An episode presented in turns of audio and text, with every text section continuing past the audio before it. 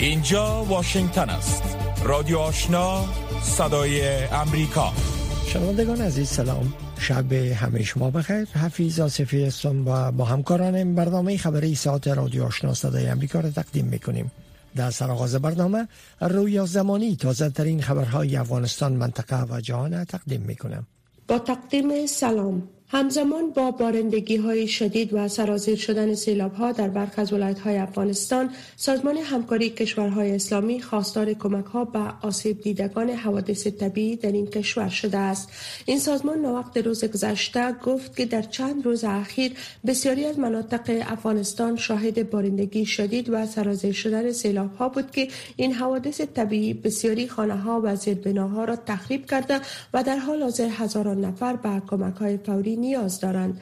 در خبرنامه این سازمان آمده است که سازمان همکاری کشورهای اسلامی از همه کشورهای عضو خواسته و سایر کشورهای جهان و همچنان سازمانهای امدادرسان می‌خواهد که فورا کمک های نجات دهنده را برای مردم افغانستان که تحت تاثیر سیلاب های جاری قرار گرفتهاند انجام دهند. به گفته این سازمان ادامه حوادث طبیعی بحران بشری در این کشور را تشدید خواهد داد. بر اساس معلومات این سازمان شمار زیادی از خانواده ها به شمول کودکان آسیب پذیر برای زنده ماندن نیاز به حمایت های فوری دارند. وزارت دولت در امور رسیدگی به حوادث طبیعی حکومت طالبان می‌گوید که ادامه بارندگی های شدید سبب سرازیر شدن سیلاب های تازه در برخی ولایت ها شده که این حوادث طبیعی تلفات جانی و خسارات مالی در پی دارد. این وزارت گفت که در 24 ساعت گذشته برخی از ولایت های افغانستان شاهد سرازیر شدن سیلاب ها بودند که در اثر آن تا کنون 8 نفر جان باخته و شمار دیگر زخمی شدند. مقام های محلی طالبان در ولایت بلخ از وقوع یک انفجار در شهر مزار شریف مرکز این ولایت خبر داده و می‌گویند که در این انفجار کم از کم شش نفر زخمی شدند. این انفجار حوالی 11 سی دقیقه پیش از ظهر امروز چهارشنبه در منطقه دروازه بلخ از مربوطات حوزه چهارم امنیت این شهر اتفاق افتاد. محمد آصف وزیری سخنگوی قماندانی امنیت طالبان برای این ولایت وقوع این انفجار را تایید کرد و گفت که این رویداد زمان به وقوع پیوست که یک فرد می‌خواست مواد منفجره را به داخل شهر انتقال دهد. آقای وزیری از دادن جزیات بیشتر درباره تلفات این انفجار خودداری کرد. اما قاسدین انوری مسئول شفاخانه حوزوی ابو علی سینای بلخی به صدای امریکا گفت که از محل این انفجار شش زخمی که در میان آنان یک کودک نیز شامل است به شفاخانه منتقل شده است. به دنبال نشر دادخواستی سازمان عفو بین الملل مبنی بر توقف نقض حقوق بشر از سوی طالبان در افغانستان سخنگوی حکومت این گروه گزارش این سازمان را پروپاگاند خواند. روز گذشته به بین الملل با نشر دادخواستی گفت که مقام های طالبان نه تنها به تعهدشان مبنی بر حمایت از حقوق مردم به ویژه حقوق زنان عمل نکردند بلکه چرخه خشونت را در این کشور را سر گرفتند. به گفته این سازمان طالبان در جریان یک سال گذشته نهادهای کلیدی برای حمایت از حقوق بشر را به گونه سیستماتیک منحل کرده و آزادی بیان کرده. همایی ها محاکمه عادلانه و سایر حقوق شهروندان افغانستان را تحت فشار قرار دادند. اما زبی الله مجاهد سخنگوی حکومت طالبان امروز چهارشنبه با رد این اظهارات عفو بین الملل گفت که این گزارش مملو از تبعیض و عقده است و این سازمان در تلاش پروپاگاند علیه حکومت این گروه است. ژاپن برای 98 تن از افغانها در آن کشور پناهندگی داده است. به گزارش رسانه های ژاپنی شهروندان افغانستان از ماه آگوست سال گذشته و با حاکمیت دوباره طالبان بر افغانستان به ژاپن رسیده بودند. اکثر آنان کارمندان سفارت ژاپن در کابل و اعضای خانواده هایشان معرفی شدند شماری دیگری هم کسانی گفته شدند که با شرکت های ژاپنی در افغانستان کار کرده بودند با گزارش رسانه ها ژاپن قوانین خیلی دشواری برای پذیرش دارد و بر ندرت برای خارجی ها پناهندگی می دهد. خبرهای منطقه و جهان را از امواج رادیو آشنا صدای امریکا میشنوید. ایران به تفتیش مراکز هسته‌ای خود فراتر از آنچه در توافقنامه هسته‌ای سال 2015 روی آن موافقه نمود. اجازه نمی‌دهد. این موضوع در ویدیویی از محمد اسلامی رئیس اداره انرژی هسته‌ای ایران که در تلویزیون حکومت ایران به نشر رسید گنجانیده شده بود. از سوی دیگر یک مقام ایالات متحده روز دوشنبه به آژانس خبررسانی روی ترس گفت که ایران برخی از تقاضاهای عمده خود را روی احیای این توافقنامه حذف کرده است که این موضوع نایل آمدن به یک موافقه را روی این توافقنامه نزدیکتر می سازد ولی نظرات این مقام ارشد ایران در مغایرت با نظریه این مقام ایالات متحده قرار دارد.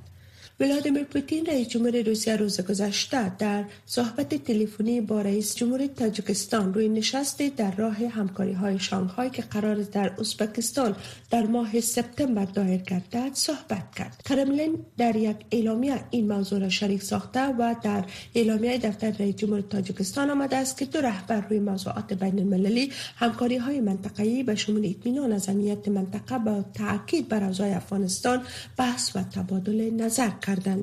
این نشست به تاریخ 15 و 16 ماه سپتامبر با حضور دیگر کشورهای منطقه به شمول هند و پاکستان و چین در ازبکستان دایر می شود و کشورهای افغانستان، ایران و مغولستان به شکل ناظر در آن شرکت می کنند. فرماندهی مرکزی ایالات متحده آمریکا یا سنت کام اوایل امروز چهارشنبه اعلام کرد که به دستور جو بایدن رئیس جمهوری ایالات متحده نیروهای اردوی این کشور در حملات هوایی دقیق در دیر زور سوریه تاسیسات زیربنایی مورد استفاده شبه نظامیان وابسته به سپاه پاسداران انقلاب اسلامی ایران را هدف قرار داد. بنابر اعلام سنت کام هدف از این حملات دقیق دفاع و محافظت از نیروهای امریکایی در برابر حملات مانند حملات 15 آگست علیه پرسنل امریکایی توسط گروه های مورد حمایت رژیم ایران بود. در این خبرنامه آمده است که حملات ایالات متحده تاسیسات زیرساختی مورد استفاده شبه نظامیان وابسته به سپاه پاسداران انقلاب اسلامی ایران را هدف قرار داد که برای محافظت و دفاع از پرسنل ایالات متحده ضروری بود. کام تاکید کرد که اقدامات متناسب و حساب شده ایالات متحده جهت محدود کردن خطر تشدید تنش و به حد اقل رساندن خطر تلفات انجام گرفت. در پایان اعلامیه رسمی کام آمده است که ایالات متحده به دنبال درگیری نیست اما به اقدامات لازم برای محافظت و دفاع از مردم خود ادامه خواهد داد و تا زمان اطمینان از شکست پایدار داعش در سوریه باقی خواهد ماند. امروز چهارشنبه کره جنوبی مانور ضد دهشت افکنی را که در آن رسیدگی به حملات کیمیایی و تیاره های بی پیلوت تمرین می شد در یک قطار زیرزمینی در سیول انجام داد در این مانور حدود 230 تن از دروازه اداره که شامل قماندانی عملیات های خاص قماندانی حفاظت از حملات کیمیایی بیولوژیکی و رادیولوژی گارد ویژه پلیس و اطفایی می‌شد شرکت کرده بودند هدف این مانور تهدیدهای روز افزون کره شمالی ذکر شده است این اولین مانور سرتاسری حکومت از زمان شیوع ویروس کرونا در کره جنوبی تلقی می شود. کانادا تحریم های بیشتری را بر 62 تن شهروندان روسیه به شمول یک شرکت دفاعی این کشور وضع کرده است. به گفته حکومت کانادا این تحریم ها به خاطر تهاجم غیر موجه روسیه بر اوکراین وضع گردیده است جستن ترودو صدر کانادا روز گذشته گفت که والی های 27 منطقه روسیه با اعضای خانواده هایشان هدف این تحریم ها قرار گرفتند در مجموع در حال حاضر 1500 شهروند و شرکت روسی در فهرست تحریم های کانادا قرار دارند محکمه عالی تایلند امروز چهارشنبه وظایف پرایوت چان اوچا صدر این کشور را به حالت تعلیق درآورد. این محکمه تصمیم می‌گیرد که آیا این مقام تایلندی که در سال 2014 های نظامی را رهبری می‌کرد زمان در قدرت بودن را نقض کرده یا خیر.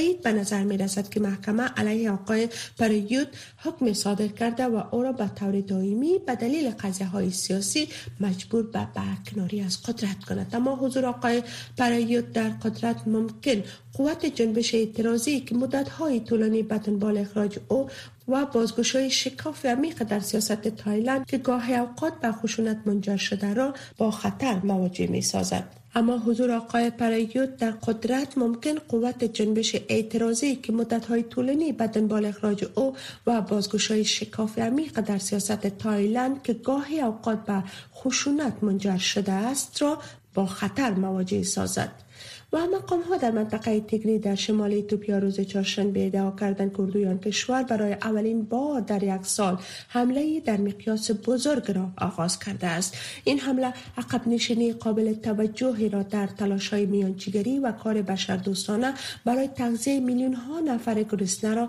در پی خواهد داشت. ادعای فرماندهی نظامی تگری پس از ماها تشدید گروه های نظامی و اشدار این هفته اردوی اتوپیا علیه هر گونه تحرکات در رسانه ها و در رسانه های اجتماعی صورت گرفته است. درگیری ها در تگری در ماه نوامبر سال 2020 آغاز شد و تا کنون هزاران نفر کشته به جا گذاشته است. این بود مشروع خبرها تا این لحظه. از امواج رادیو آشنا صدای امریکا. روایت امروز. مصاحبه ها گزارش ها و تحلیل ها در مورد وضعیت کنونی افغانستان و جهان هر شب از ساعت نونیم تا ده شب از امواج رادیو آشنا صدای امریکا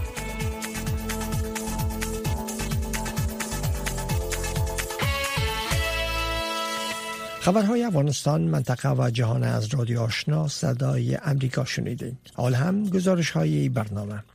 وزارت صحت عامه حکومت طالبان میگه که کمیسیون را جهت قانونی ساختن پیوند اعضای بدن انسان ایجاد کرده. از طرف هم دکتر قلندر عباد سرپرست وزارت میگه که در حال حاضر نزدیک به 4000 مرکز و شفاخانه خدمات صحی را در سراسر افغانستان عرضه می‌کنه.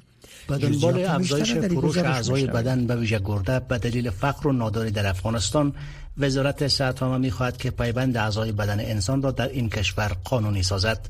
قلندر عباد سرپرست وزارت صحت عامه حکومت طالبان روز چهارشنبه به خبرنگاران گفت که با در نظر داشته مسائل شرعی و کرامت انسانی کمیسیون پیوند اعضا ایجاد شده است. و گفته آقای عباد قبلا به دلیل نبود این کمیسیون فروش اعضای بدن ناگهانه غیر قانونی و از روی مجبوری در افغانستان وجود داشت ولی با ایجاد این کمیسیون پیوند اعضای بدن بر اساس اصول و قانون صورت خواهد گرفت.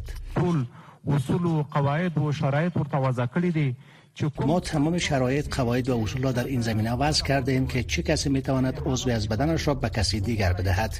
یعنی کدام عضو خانواده باشد؟ عضو نزدیک مثل که پسر به پدر زن به شوهر یا دختر به مادر عضو از بدنش را اهدا می کند همه موارد را در قانون آورده ایم سرپرست وزارت صحت عامه حکومت طالبان تاکید کرد که امکان ندارد کسی در بازار عضو از بدنش را پس از این در مقابل پول به کسی دیگر بفروشد.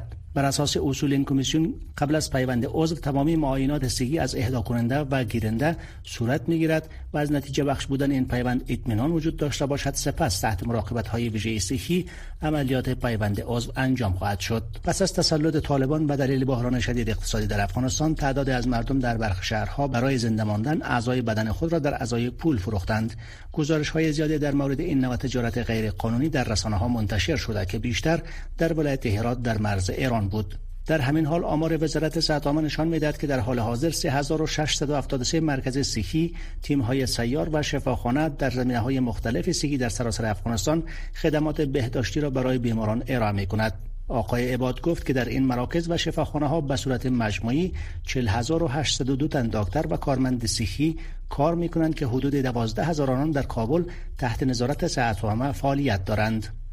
وزارت صحت که یقینا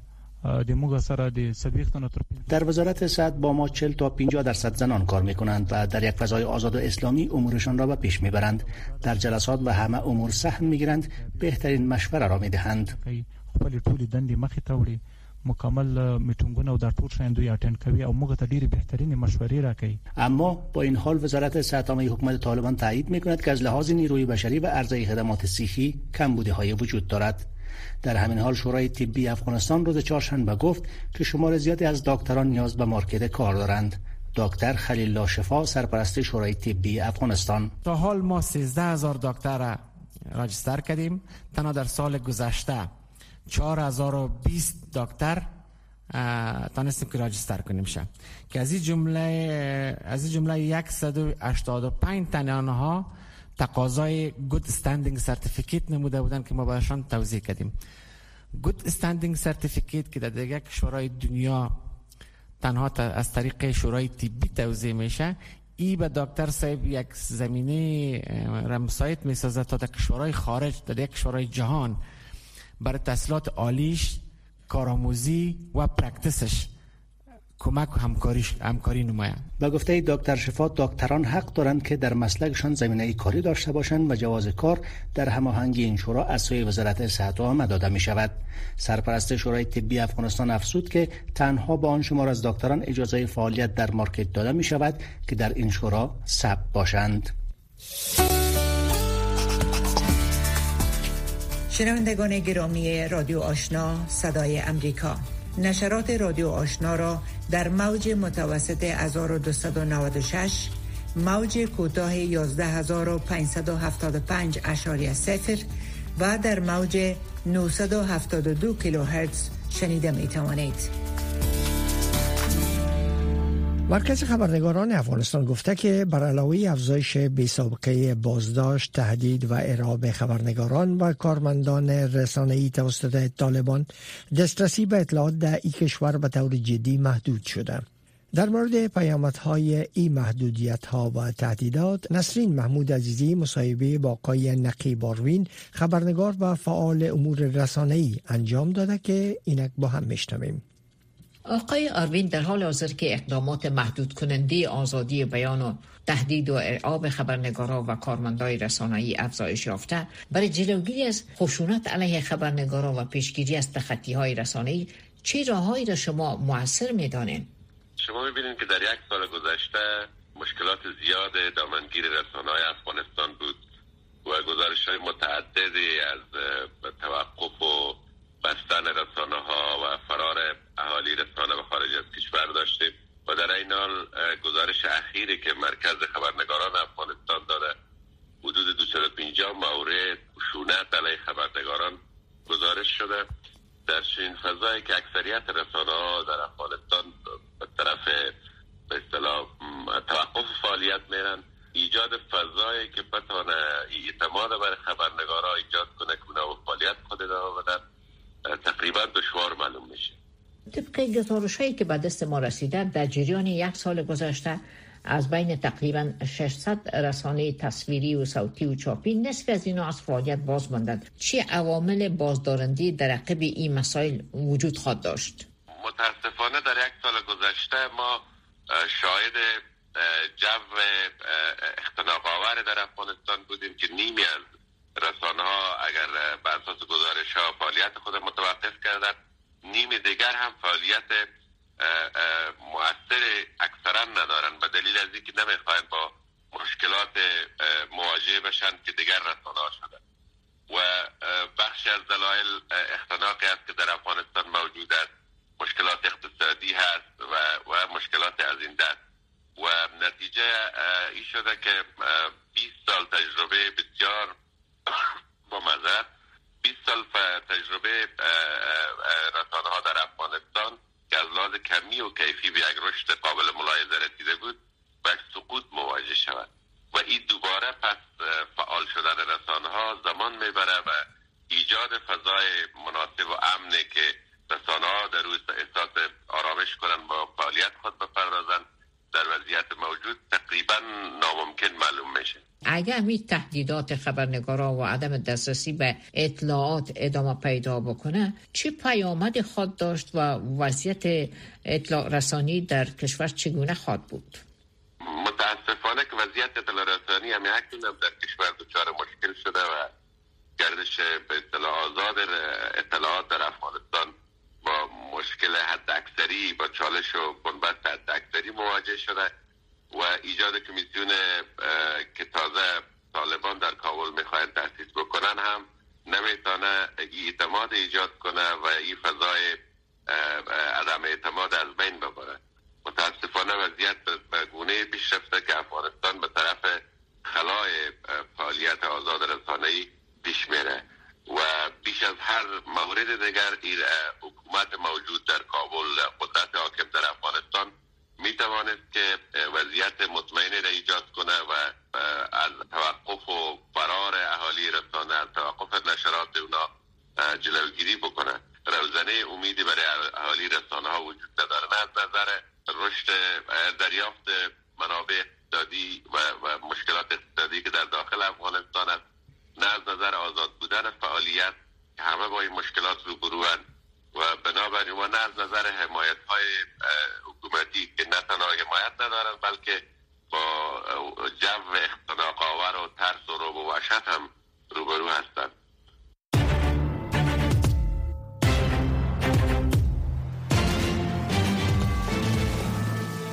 رک و راست.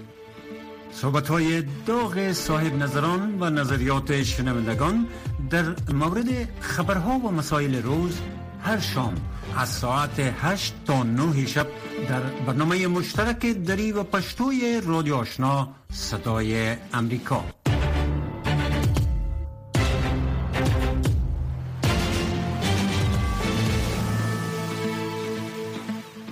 در میان نشانه های مثبتی که مذاکرات هسته‌ای میان ایران و کشورهای غربی را احاطه کرده امارات متحده عربی و کویت هر دو روابط دیپلماتیک خود با تهران خاموشانه دوباره احیا کردند. وزارت خارجه ایران روز دوشنبه خاطر نشان کرده که مذاکرات با عربستان سعودی روی آغاز دوباره روابط هم در مسیر مثبت در حرکت است جزیات گزارش ادوارد ایرانیان خبرنگار صدای امریکا را از قدیر مشرف میشنوید. در حالی که امارات متحده عرب و کویت روابط دیپلماتیک خود را با ایران در این هفته به گونه بی سر و صدا دوباره آغاز کردند چشمها به نتیجه بزرگتر یک نزدیکی دیپلماتیک دوخته شده که احیای علایق میان تهران و کشور دیرینه متخاصم آن ریاض است. روابط میان امارات متحده عرب و عربستان سعودی در سال 2016 به تعقیب اعدام نمر النمر روحانی شیعه سعودی به خرابی گرایید. ناصر کنانی سخنگوی وزارت خارجه ایران روز دوشنبه به خبرنگاران گفت که جو مثبت منطقه‌ای خوشبینی ها را در مورد احتمال آغاز دوباره روابط دیپلماتیک با عربستان سعودی تقویت می کند. کشورهای عراق و عمان در میانجیگری برای راه اندازی گفتگوهای غیر رسمی میان تهران و ریاض کمک کردند. جمهوری اسلامی ایران در این مسیر گام برداشته تا الان از سوی طرف عربستانی هم ما شاهد گام های متقابل بودیم باید خوشبین باشیم که در مسیر ارتباطات و گفتگوهای دیپلماتیک بتونیم گام مؤثری رو به سمت جلو برداریم. شرایط هم در منطقه خوشبختانه شرایط مثبتی خطر ابودیاب استاد علوم سیاسی در پانتون پاریس به صدای امریکا گفت که مذاکرات هسته‌ای در ویانا فضای منطقه‌ای مثبت ایجاد کرده که به گفته وی به بهبود روابط بین ایران و کشورهای متخاصم سابق تهران یعنی عربستان سعودی و امارات متحده عربی کمک می کند. مذاکرات میان عربستان ایران در بغداد و بهبود روابط میان ترکیه و عربستان سعودی. تصوری از یک آرامش تنشها را در منطقه و یک منطقه بحث روی اختلافات را به جای دنبال کردن یک مسیر منازع و جنگ ایجاد کرده است. آقای ابودیاب استدلال می کند که با وجود چندین حمله توسط حوسی های یمن بر امارات متحده عرب که حمایت ایران را با خود دارند روابط تجارتی میان امارات و ایران هیچگاه متوقف نشد و پالیسی همسایگی خوب هنوز هم حاکم است. تیودور کارازیک تحلیلگر امور خلیج مستقر در واشنگتن به صدای امریکا گفت که هر دو احیای روابط دیپلماتیک میان امارات متحده عرب و ایران در شرایط کنونی استراتژیک حائز اهمیت است. تعامل بیشتر امارات با تهران به دلیل شرایط جغرافیایی و بیبود اقتصادی پس از بیماری همگیر کرونا و مسائل دیگر به عنوان یک ضرورت پنداشته می شود هر دو جانب هنوز هم روی اهداف سیاسی اختلاف دارند. اما در عین زمان با اصول و نیازمندی های روابط جهت همکاری مذاکره و استدلال در مورد موضوعاتی که بغیر از خلیج منافعشان با هم تداخل می کند ضرورت دارند. پاول سولیوان یک تحلیلگر مسائل شرق میانه در شورای اتلانتیک به صدای امریکا گفت که تجارت میان ایران و امارات متحده عرب در سال 2017 به بلندترین سطح خود قرار داشت. اما این روند پس از کشیدگی روابط میان دو کشور کاهش یافته است. آقای سولیوان خاطر نشان می کند که ممکن 500 تا 600 هزار ایرانی همین اکنون در دبی زندگی کنند. او علاوه کرد که های شورای همکاری خلیج فارس و ایران جنگ در یمن و حمایت ایران از حزب الله و سایر گروه های روسی در منطقه باعث ایجاد وحشت جدی در امارات شده است. رادیو آشنا صدای امریکا منبع موثق خبرها و گزارش های جهان و افغانستان ترکیه که به شدت از مخالفان حکومت سوریه حمایت می‌کنه در حال حاضر نشان میده که آماده مذاکره با رژیم دمشق است. انقره که روابط دیپلماتیک خود با حکومت بشار الاسد در آغاز جنگ داخلی سوریه قطع کرده بود اکنون منتظر برگرداندن میلیون ها مهاجر سوریه به کشورشان است. دوریان جونز از استانبول در این مورد گزارش دارد که برگردان او را از فوز احسان میشنویم رجب طیب اردوغان رئیس جمهور ترکیه در مورد روابط کشورش با رژیم سوریه به خبرنگاران گفت که نمی شود گزینه های گفتگوی سیاسی و دیپلماسی را میان دو کشور از میان برداشت. مولود چاوش اغلو وزیر خارجه ترکیه اوایل ماه جاری نیز آشکار ساخت که با همتای سوریش گفتگو کرده است. وزیر خارجه ترکیه گفت که در حاشیه یک نشست گفتگوی مختصری با وزیر خارجه سوریه داشته است و افزود که به این دیپلمات بلندپایه سوریه گفته است که ترکیه باور دارد که صلح میان رژیم اسد و مخالفانش تامین خواهد شد. وزیر خارجه ترکیه همچنان گفت که ترکیه آماده است در این راستا همکاری کند. انقره روابط دیپلماتیک خود با دمشق را در آغاز جنگ داخلی سوریه تا این اواخر قطع کرد و اردوغان یکی از منتقدین سرسخت بشار اسد رئیس جمهور سوریه به شمار می رفت. زمانی که شورشیان سوری خبر گفتگو میان وزرای خارجه ترکیه و سوریه را شنیدند دست به اعتراض زدند و بیرقهای ترکیه را با آتش کشیدند. گالب دالا یک تحلیلگر در چتم هاوس ترکیه می گوید ترکیه در جمع قوی ترین حامیان نظامی و سیاسی شورشیان سوری قرار داشت و این دلیل خوبه برای نگرانی شورشیان از مذاکرات میان مقامات دو کشور بوده می تواند.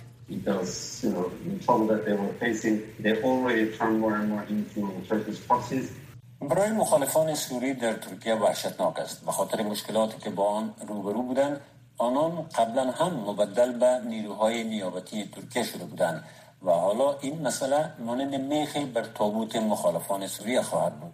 تحلیلگران می‌گویند شاید اردوغان به دنبال نزدیکی با دمشق به منظور خلاص شدن از شر نیروهای کرد وای پی جی در مناطق مرزی خود باشد. انقره نیروهای وای پی جی را متهم به داشتن روابط با یک گروه شورشی در داخل ترکیه می کند. اردوغان که با فشارهای عمومی روبرو شده است همچنان تعهد کرده است که میلیون ها مهاجر سوری را که وارد ترکیه شدند به کشورشان برگرداند اما عمر انهان آخرین سفیر ترکیه در دمشق گفت نیاز است که انقره در روابطش با دمشق از احتیاط کار گیرد we need to see that Syria is secure for the return of Syrians in از نظر ما ما باید احساس امنیت کنیم. دومین که ما نیاز داریم که بدانیم سوریه برای بازگشت سوری هایی که در ترکیه و دیگر کشورها وارد شدهاند امن است. بنان رژیم باید ثابت کند آنان در یافتن یک راه حل سیاسی واقعی مصمم هستند. اما تاکنون قضیه چنین نیست. امکان دارد زمان به نفع اردوغان نباشد چون او در انتخابات سال آینده شرکت می کند و بسیاری از رایدهندگان حضور مهاجرین سوری در ترکیه را از مسئولیت های بزرگ انتخاباتی وی می دانند. اما به باور تحلیلگران امکان دارد دست مسکو نیز پس مذاکرات اردوغان با سوریه باشد. گالب دالای در این مورد گفت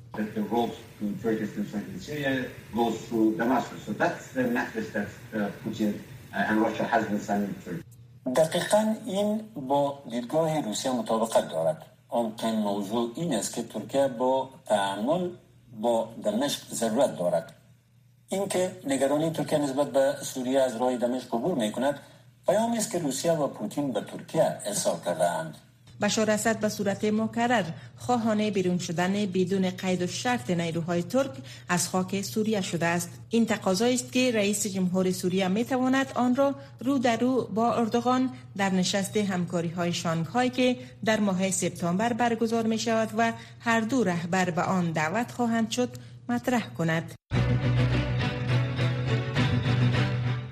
شنوندگان عزیز ای بود داشته های برنامه خبری که در همینجا به پایان رسید. اما نشرات پشتو و دری رادیو آشنا صدای امریکا همچنان ادامه داره شنونده رادیو آشنا باشید.